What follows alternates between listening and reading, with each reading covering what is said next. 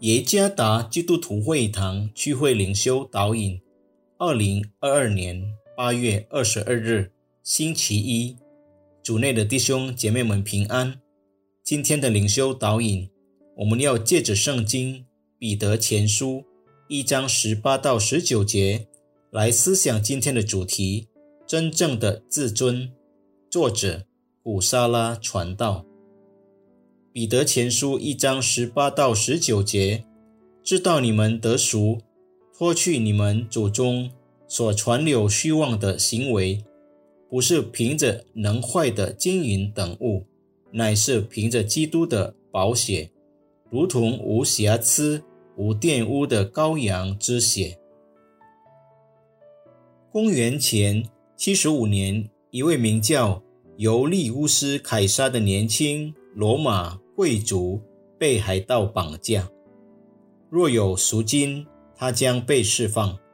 当海盗索要二十他连的白银（今天约八十亿印尼盾）的赎金时，凯撒笑了，并说他们不知道他是谁。他催促他们将赎价提高到五十他连的白银。为什么？因为凯撒。坚信自己的身价远高于二十他连的白银。凯撒以他的智慧、成功、财富和地位，傲慢地评价自己。其实，他所拥有的一切都很可能随着时间的流逝而丢失。我们今天如何看待自己呢？若我们的价值取决于我们拥有的东西，那么，当我们所拥有的东西消失时，我们既不是一文不值吗？我们的价值不是由于我们所拥有的东西来衡量，而是由于谁拥有我们的生命来衡量的。使徒彼得强调，我们的价值是基督的血。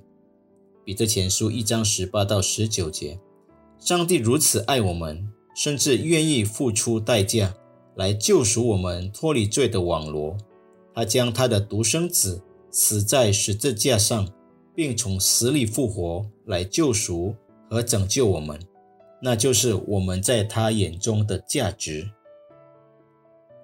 我的弟兄啊，我们的价值不是因为我们的地位、工作、职位、储蓄账户的数量或我们拥有的东西。